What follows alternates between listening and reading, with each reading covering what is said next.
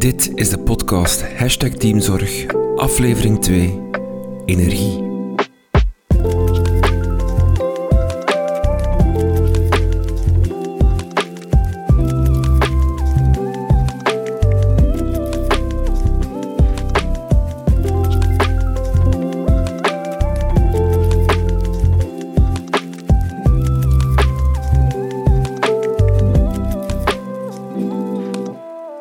Krijg je een energiek werkklimaat? In de Sint-Pieterschool in Mechelen kiezen ze voor een boosterprik. Als buurtschool in de wijk Nekkerspoel werken ze aan een stevig project. Een project dat elk kind kansen wil geven. Met diversiteit als koeketroef. Deze ambities vragen veel energie en inzet van alle personeelsleden. Het gevaar om op de eigen limieten te botsen loert om de hoek.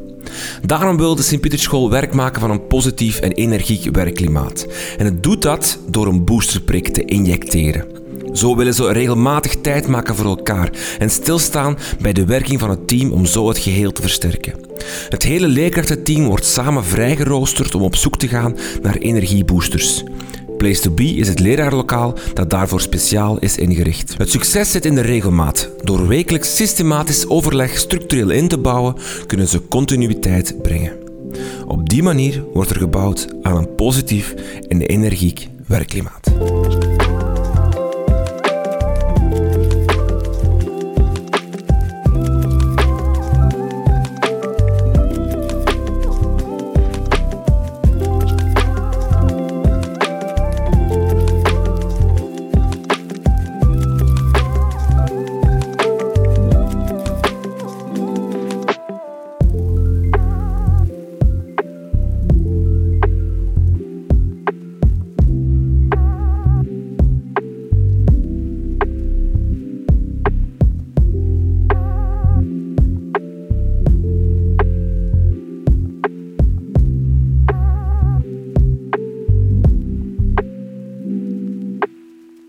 Peter Beschuit. Ik werk voor Kessels en Smit als organisatieadviseur en als coach. Uh, ik kom heel vaak in scholen, maar dan vooral als externe, um, waar ik uh, met teams aan de slag ga om het welzijn um, en de zorg voor elkaar uh, in het team te bevorderen. Lesgeven is topsport. Daarom is het belangrijk dat je voldoende energie hebt. Dat je klaar bent om vol passie voor je leerlingen te gaan staan. Een positief werkklimaat kan helpen om je hele schoolteam vol met energie aan de start te krijgen. Maar hoe doe je dat? Hoe laat je je team vol energie stromen? En wat doe je als de tank leeg is? Maar eerst duiken we in wat een positief en energiek werkklimaat nu juist betekent.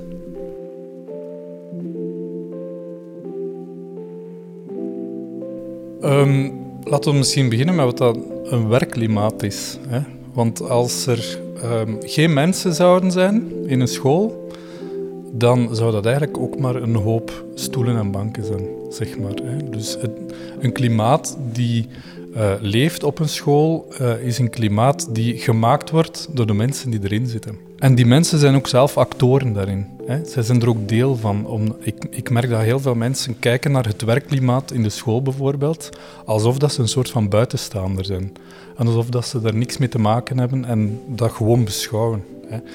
Um, en dan maak ik graag een, een, onderscheid tussen een positief en een negatief werkklimaat, hè, waar, dat, waar ik denk dat een positief werkklimaat vooral gericht is op, uh, of de aandacht richt op datgene wat er wel is datgene wat er is aan um, manieren van werken, datgene wat er is aan kracht, aan ambitie, aan enthousiasme in een team, waar dat dan eerder een negatief werkklimaat, zeg maar, vooral gericht is op wat dat er niet is, of wat dat er afwezig is, of wat dat er zou moeten veranderen, of erbij komen, of, of geregeld worden, en zo verder. Hè.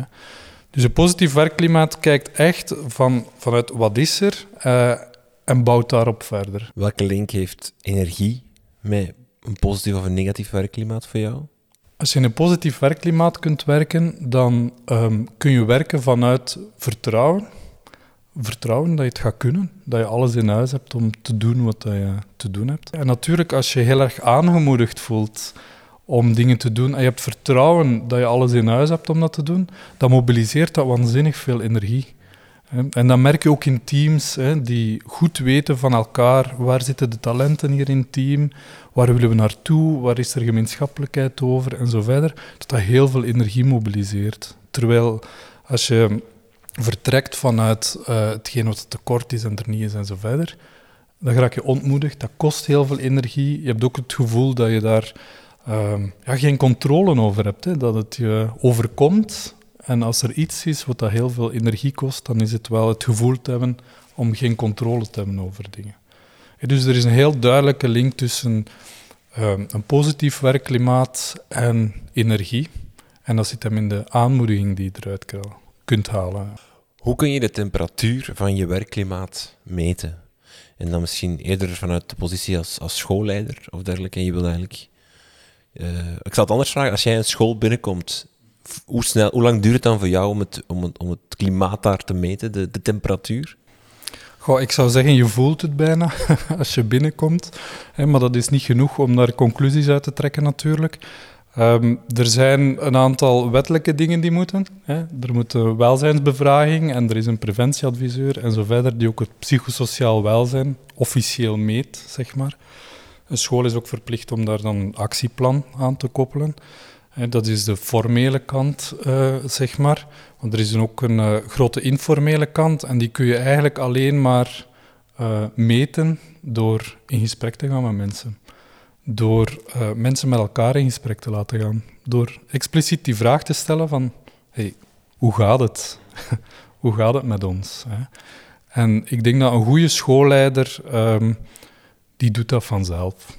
Die is daarmee bezig. Die, die kan vanuit betrokkenheid die kan vanuit oprechte interesse in mensen, vanuit oprechte verlangen om zorg te kunnen uh, geven ook aan, uh, aan het team, die stelt die vragen. Die weet dat eigenlijk, door de gesprekken die er zijn.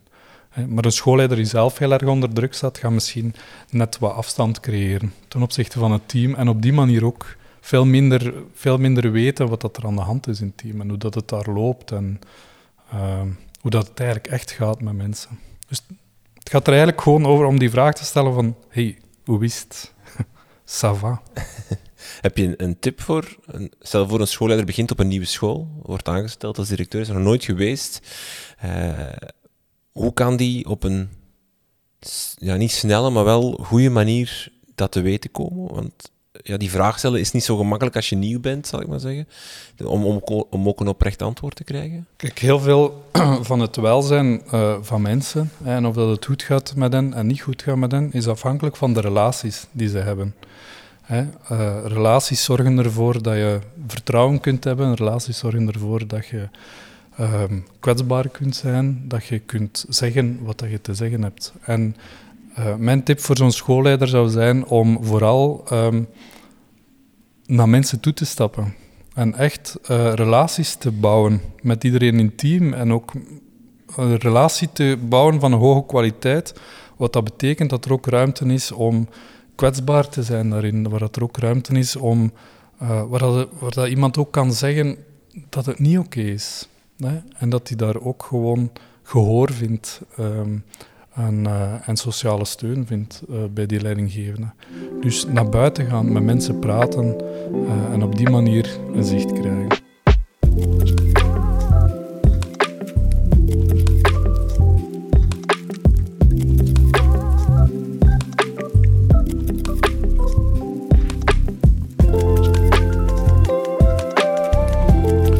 Energie kan op verschillende terreinen zitten natuurlijk. Hè. Uh, in het werk dat wij doen uh, met het Kopmanwiel hebben wij, werken wij vooral vanuit vier verschillende uh, aspecten. Hè. Het mentale, het fysieke, het relationele en het existentiële. Dus de vraag is, wat wil je meten? Hè? De energie is beperkt voor iedereen. Hè? Dus de vraag is, is er dan genoeg energie op elk terrein? Hè? En ik denk, mentale energie, dat, dat kun je heel goed zien um, in het ambitiepeil dat een team heeft. In, het, eh, in de mate waarin dat ze het goed met elkaar willen doen. Dat ze het goed willen doen voor de leerlingen. Dat ze uh, ambitieus zijn en en, en mooi werk leveren. Hè. Dat, dat zit op het mentale. Als de mentale energie vrij laag zit, dan zie je dat mensen misschien de kantjes ervan afrijden of die extra inspanningen niet doen of zelfs gewoon niet in orde zijn met hetgeen dat ze zouden moeten doen. Ehm, op het fysieke niveau, uh, ja, dat zie je heel sterk in de verzuimcijfers natuurlijk, hè, van mensen die echt uitvallen, maar ook um, ja, hoe vaak wordt uh, de zin gebruikt van goh, ik ben zo moe vandaag. Hè. Uh, en wat betekent dat dan? Hè? Dus op die manier kun je dat ook zien. Relationeel, als de relationele energie in het team hoog is, dan merk je onmiddellijk, omdat er gelachen wordt in de leraarskamer, merk je onmiddellijk omdat mensen inspringen voor elkaar, nieuwe collega's uh, meenemen, elkaar ondersteunen, samen toffe dingen doen. Terwijl als die energie heel laag zit, dan ja, blijven mensen in hun klas, vermijden ze een leraarskamer bijvoorbeeld. Uh, ja, dan is er heel weinig betrokkenheid naar elkaar toe in een team. Um, of conflicten, geroddel en zo verder. Dus dat zijn, ja, dat zijn, kunt het misschien niet heel objectief meten hè, op die manier, maar het geeft wel een aantal symptomen van waar het zit in zo'n team. En dan het existentiële niveau is het, het zingevingsstuk. Dat gaat over het engagement dat mensen hebben, dat gaat over de gedrevenheid die ze hebben, over de verbondenheid die ze voelen in het team. Hè. Is dat hoog? Hebben zij het gevoel dat ze echt belangrijk werk aan het doen zijn? Want dat zijn ze aan het doen. Hè. Of hebben mensen het gevoel van, goh, of ik er nu ben of niet, dat maakt geen verschil. Wel, dat soort van uitspraken, dat soort van antwoorden op die vragen geven wel een vrij goed zicht op hoe dat het staat met de energie. Heb je als school, als team, als schoolleider invloed op alle vier die energiebronnen? Of kan je daar invloed op hebben? Of zijn er sommige die buiten de scope van wat de school kan beïnvloeden, wat de school kan aanraken, liggen? Ik denk dat je daar als schoolleider invloed kunt op hebben. Um, met dat verschil dat je, het, je kunt het niet doen voor hen. Hè. Het is ook, er zit ook een stuk individuele verantwoordelijkheid bij. Hè. Mensen moeten ook gewoon voor zichzelf zorgen. Als je elke dag eh, veel te weinig slaapt en alleen maar junkfood eet en je vrienden verwaarloost en zo verder, dan kan het niet goed gaan met je. Dus mensen hebben daar een individuele verantwoordelijkheid in. Ik vind ook echt um, werken in onderwijs, ik vind dat echt psychosociale topsport. Dat betekent dat je heel veel energie moet kunnen mobiliseren om je, je werk gewoon goed te doen hè, en die leerlingen te kunnen graag zien en daar heel veel energie in te steken. En die energie moet wel van ergens komen. Hè. Dus je moet ook wel echt goed voor jezelf zorgen om voldoende energie te hebben om dat te kunnen doen. Um, ja, en dan is zelfzorg heel belangrijk. Hè. En wat dat je kunt doen als schoolleider is natuurlijk een stuk faciliteren dat mensen competenties ontwikkelen rond zelfzorg. Want zelfzorg is ook iets wat je gewoon kunt leren. Mensen uh, hebben wat handvatten nodig, misschien wat ondersteuning of begeleiding nodig. Uh, en dat kun je wel faciliteren als, um, als schoolleider. Dus dat is het eerste. Het tweede is teamzorg. Ook daar is de vraag, is het de schoolleider die dit allemaal moet doen? Of, of is de schoolleider net degene die ruimte creëert waarin het daarover kan gaan? Ik denk dat dat vooral van belang is dat een schoolleider... Um, zaken zoals werkgroepen of uh, pedagogische studiedagen of zo er af en toe ook voor kiest om dat thema op de agenda te zetten. En daar ook als team mee aan de slag te gaan. Want de invloed die je hebt op al die verschillende facetten van, um, van energie, de invloed is veel groter dan dat de meeste mensen denken. Je kunt er echt heel veel, welke afspraken dat je maakt met elkaar over bereikbaarheid, over uh, resultaten die er moeten liggen, over uh, bepaalde administratieve dingen, uh, over hoe dat je met ouders omgaat en zo verder. Hè. Of dat er een duidelijke visie is of niet die, um, die richting geeft aan waar we allemaal mee bezig zijn. Of dat er duidelijke doelstellingen zijn. Dat maakt allemaal een heel groot verschil. En daar heb je heel veel invloed op hoe dat je het werk organiseert met elkaar. Moet elke leerkracht, bijvoorbeeld in de basisschool, moet elke leerkracht alles kunnen? Of kunnen we daar ook slimmer mee omgaan? Daar ligt heel veel ruimte in. En ik zeg niet dat een schoolleider dat allemaal moet doen, hè, maar een schoolleider kan, dat, kan er wel voor zorgen dat daarover nagedacht wordt en dat daar creatief uh, rond gewerkt wordt. Is dan een belangrijke stap gewoon bewustwording creëren bij je personeel, bij je werknemers, bij je leerkrachten, rond die vier energiebronnen of rond die energiebronnen aan zich van, kijk, die zijn er. Ben jij op alle vier goed voor jezelf aan het zorgen? Zijn wij als team hier goed voor aan het zorgen? Een soort van dat gesprek openen? Ja, ook. Hè. De vraag is, hoe, hoe vaak gaat het daarover? Hè? Hoe vaak gaat het over hoe dat echt gaat met mensen? Ik merk ook, maar dat is niet alleen in onderwijs, op heel veel plekken, dat het niet zo simpel is om te zeggen dat het eigenlijk niet goed gaat met je. En dat, en dat het ook wel mogelijk is om de hele dag op school rond te lopen uh, en dat heel goed weg te steken, dat het eigenlijk niet goed gaat met je. dus daar zit nog altijd wel wat taboe op. Alsof dat als, uh, als je even te weinig energie hebt, dat, het, dat je dan geen goede leerkracht bent of zo.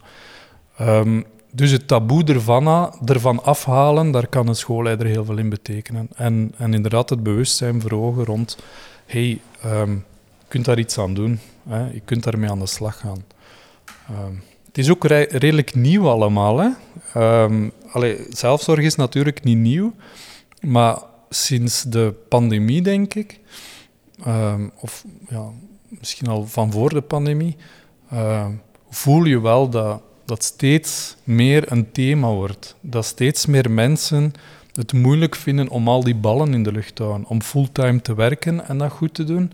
En dan thuis nog eens een gezin en al, eh, eh, al die dingen uh, tegelijk te combineren met elkaar. Om, de, om, om het, leven en het werk en die balans tussen die twee, om dat allemaal goed te krijgen, dat is niet zo simpel. Dat is echt iets wat wij als mensheid, zeg maar doorheen de evolutie steeds meer naar gegroeid zijn en waarvan dat je nu merkt dat we ja, ergens op limieten botsen. Op limieten van wat, wat kan iemand op 24 uur allemaal voor elkaar krijgen. Hè? Dus het leven vraagt heel veel inspanning van mensen. En dat is niet slecht. Hè? Er heeft nog nooit iemand een burn-out gekregen van, uh, van te hard te werken. Hè? Nog nooit. Hè? Je krijgt er geen burn-out van. Je krijgt een burn-out van het gebrek aan ontspanning niet van het teveel aan inspanning. En wat dat er gebeurt, is dat onze vrije tijd, zeker als je dan ehm, kinderen en een gezin en zo verder, dat onze vrije tijd altijd maar kleiner wordt. En dat dus de hoeveelheid inspanning groeit en de hoeveelheid ontspanning vermindert. Waardoor dat er een disbalans is en daar word ja, daar word je moe van. Hè. Daar word je niet moe van, daar word je vermoeid van.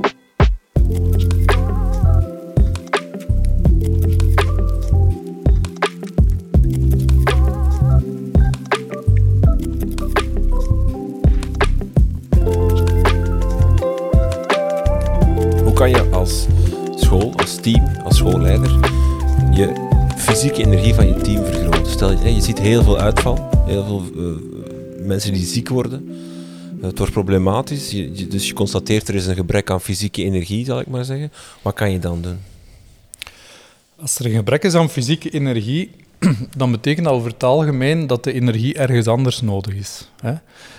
Um, dus als je heel de dag in je hoofd zit, dan um, geeft dat inderdaad wel het gevoel dat je fysiek niet veel fut niet meer hebt. Hè? Of dat je het gevoel hebt dat je fysiek heel weinig energie hebt. Um, dus we kunnen ons even goed afvragen van hoe kunnen we mensen meer doen bewegen en fysiek fitter maken. We kunnen ook gaan nadenken van hoe kunnen we ervoor zorgen dat er minder van die aandacht naar mentale of relationele of zo verder uh, moet gaan. En daar het gesprek over hebben met elkaar, denk ik. Uh, en geldt dat voor alle energiebronnen? Is het op zich een soort van. Zijn dat communicerende vaten? Als, in, als je meer relationele energie nodig hebt, omdat het op relationeel vlak moeilijk loopt, waar dan ook, gaat ook je fysieke energie minderen, want daar wordt energie van weggeslurpt, zal ik maar zeggen. Ja, dus je hebt eigenlijk een beperkte hoeveelheid energie. Hè? Dat is, laten we zeggen, 100% voor iedereen. En voor de ene is dat al wat meer dan voor de andere. Hè. Maar 100%, ja, je kunt niet 100% en fysiek heel fit zijn altijd. En 100% mentaal en 100% relationeel en existentieel. Hè. Dus je moet die energie slim gebruiken. Je moet die slim verdelen. Hè. En die verdeling van energie, dat gebeurt via de hersenen. Of, zou daar helemaal uh, diep op kunnen ingaan. Hè. Maar in ieder geval, als je bijvoorbeeld bezig bent met iets start van het schooljaar en er moet van alles gebeuren en er moet van alles geregeld worden en er moet van alles ontwikkeld worden en ontworpen worden en zo verder, ja, dan vraagt dat heel veel mentale energie en als dat in samenwerking is met collega's, waarschijnlijk ook heel veel relationele energie. Ja, als alle energie daar zit, dan, ja, dan kun je bijna niet anders dan een stuk andere domeinen ehm, ja, een beetje verwaarlozen. Hè? En dan, dat is zo'n periode waarop dat mensen dan uh, ja, wat minder goed slapen. Dat is een periode waarin dat mensen wat minder goed eten, waar ze wat minder uh, sporten en zo verder. Maar dat is normaal. Hè? Dat is normaal omdat ze die energie willen gebruiken op dat mentale vlak. Als je daar iets aan wil doen, als je die balans wil herstellen, ja, dan moet je die verwaarloosde gebieden wel terug een plek geven. Hè. En dan komt het erop neer om, ondanks het feit dat alles in je lijf en in je hoofd zegt, doe het niet, hè, want je hebt die energie nodig uh, voor het mentale, om het dan toch te doen. En dat vraagt wat moed. En het helpt natuurlijk als je als team ook samen daar dingen in kunt gaan doen. Hè. Dat je als team samen uh, een aantal acties doet. Of uh, ik heb al dingen gezien met, met stappentellers en zo verder. Hè, waarbij dat je een aantal fysieke uitdagingen. Er zijn heel veel bedrijven en er ook uh, wat een soort van sportclubs uh, intern of een loopclubje of en zo verder. Hè. Dus je kunt dat ook wel wat stimuleren. Maar de vraag is vooral van ja, maar als er te weinig energie is op dat fysieke, waar gaat die energie dan wel naartoe? En klopt dat dan wel? Of zijn we daar dan misschien te ver in aan het gaan? Wat doe je als er relationeel energieproblemen zijn en dan vooral conflicten binnen de groep. Uh, mensen die zich afsluiten van de groep, die, zich, die zoals je daarnet zei, niet meer naar de leraarskamer komen, die, waarin dat je niet voelt, waarin je binnenkomt en je voelt zo het gebrek aan enthousiasme, een soort van kille sfeer in die leraarskamer. Hoe, hoe doorbreek je dat als, als met je team? Ja, wat opnieuw daar, hè, dus, dus dat, dat zijn tekenen dat er te weinig relationele energie in het team zit. Um, dus dat betekent dat de energie ergens anders zit. Hè. Dus het zou kunnen dat de werkdruk veel te hoog is, dat mensen het gevoel hebben van er alleen voor te staan en heel veel werk te moeten doen, waardoor dat ze geen tijd tussen aanhalingstekens hebben om in de leraarskamer te komen en zo verder. Of dat er zelfs inderdaad conflicten komen. Dan is één de vraag, waar gaat die energie dan naartoe en is dat normaal en kunnen we daar iets aan doen? En het tweede is, ja, in een periode waarin dat er heel veel mentale energie wordt gevraagd, ja, verwaarlozen we vaak ook wel structureel het relationele en vergeten we dat we vroeger elke vrijdagavond iets gingen drinken na het werk en vergeten we om teambuildings te doen en vergeten we, of we hebben daar geen tijd voor, denken we dan, maar net dan is het heel goed om dat soort van dingen te doen. En een pedagogische studiedag is in te richten niet rond een pedagogisch thema richting de leerlingen, maar is in te richten rond wij als team hoe gaat het met ons? En daar, uh, en daar een fijne tijd van te maken en elkaar terug te kunnen ontmoeten en terug aan die relaties te bouwen en verder. En dus daar kun je ook echt op inzetten op het moment dat... en dat is ook gewoon nodig. Zeker op momenten waar dat je voelt dat de relationele energie heel laag zit. Uh, het woordje teambuilding is gevallen. Is dat iets waar, waar jij in gelooft dat dat kan helpen, kan kan, kan werken. Het is vaak de, de, oplossing van een, een, een, schoolbestuur of een directie. Oei, het gaat niet zo in team. We zullen een keer op teambuilding gaan en dan gaan we zo een vlot shorren ergens of zo. En, en, en eens laten vallen en dan iemand die opvangen. Zo. Ik, ik, maak er even een karikatuur van. Maar is dat iets waar, waar je denkt dat, dat dat op zich wel werkt? Um, het is goed om het te doen. dat is het eerste. Um, of dat het echt werkt, denk ik, daar is er meer voor nodig. Als, zeker als je spreekt van dat er echt een probleem is, dat er echt conflicten zijn en dat er ook echt uh, een, een, koude relationele sfeer heerst, zeg maar. Dat gaat niet opgelost zijn met eens vlotte te gaan shorren of eens te gaan bouwen of zo samen. Hè. Daar is een meer structurele aanpak voor nodig. Hè. Um, dus, uh, dus ja, ik ben een fan van teambuilding en ja, ik ben een fan van dat toch in een groter geheel te gaan bekijken en te zien hoe dat je structureel aan die relaties kunt bouwen uh, op het werk in plaats van uh, één dag op een schooljaar.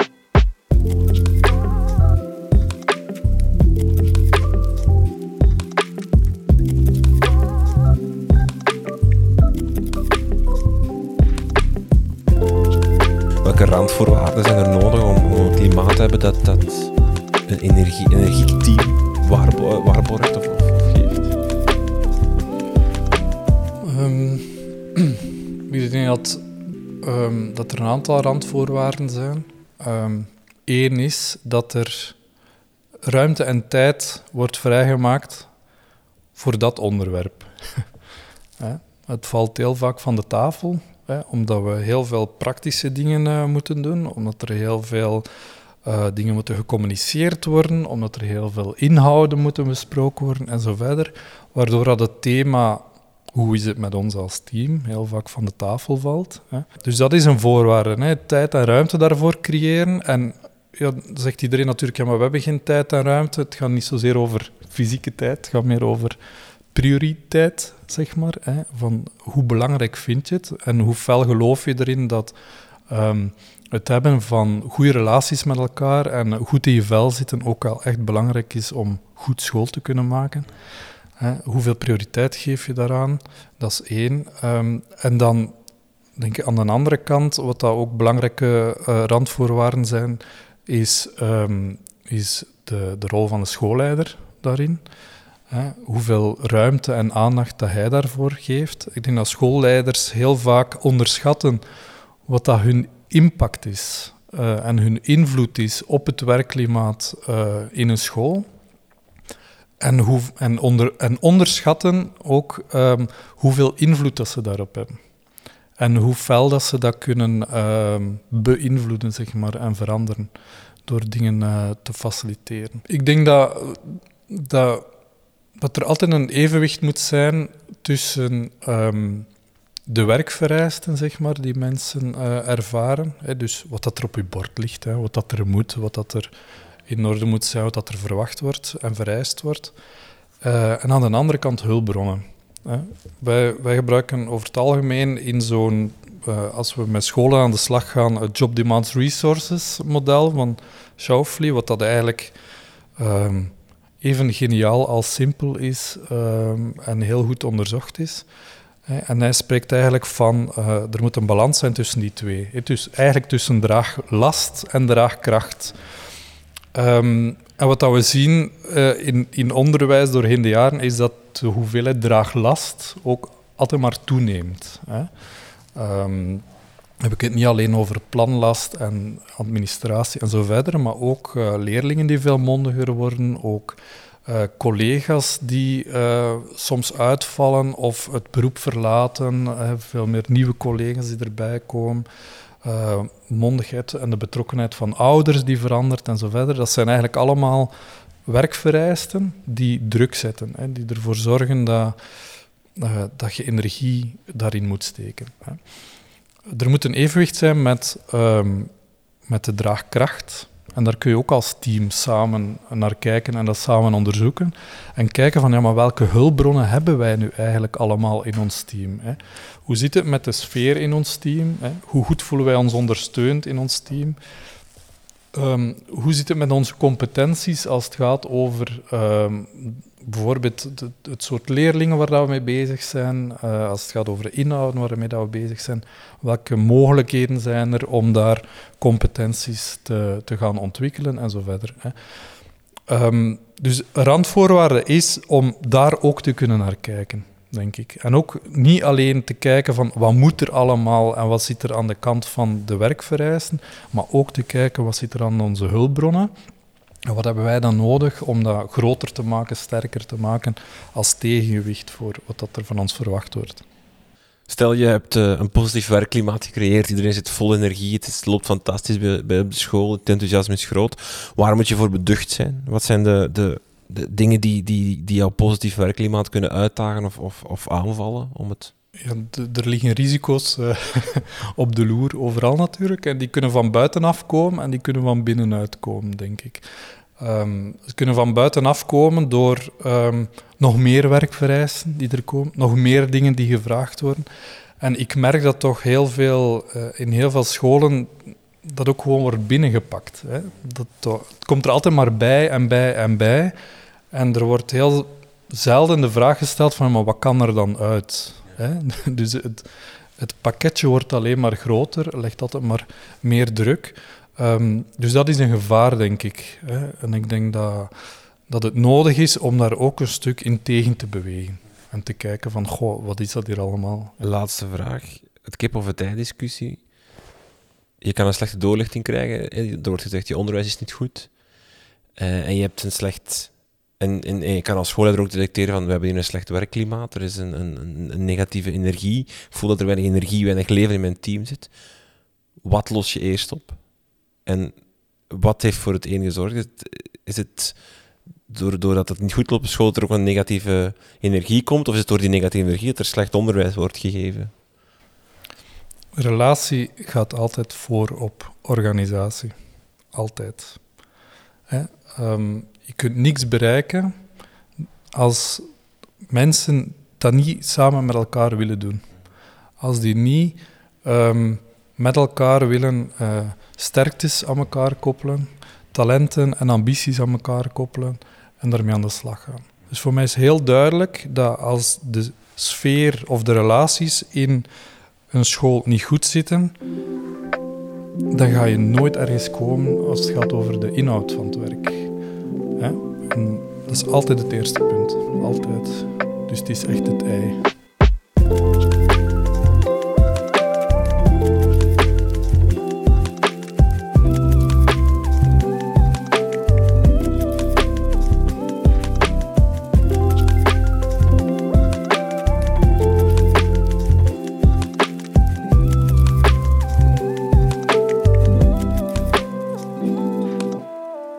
Deze podcast werd gemaakt in samenwerking met Veranderwijs en de Koning Boudewijn Stichting. In zes afleveringen proberen we scholen handvaten te bezorgen om aan teamzorg te doen.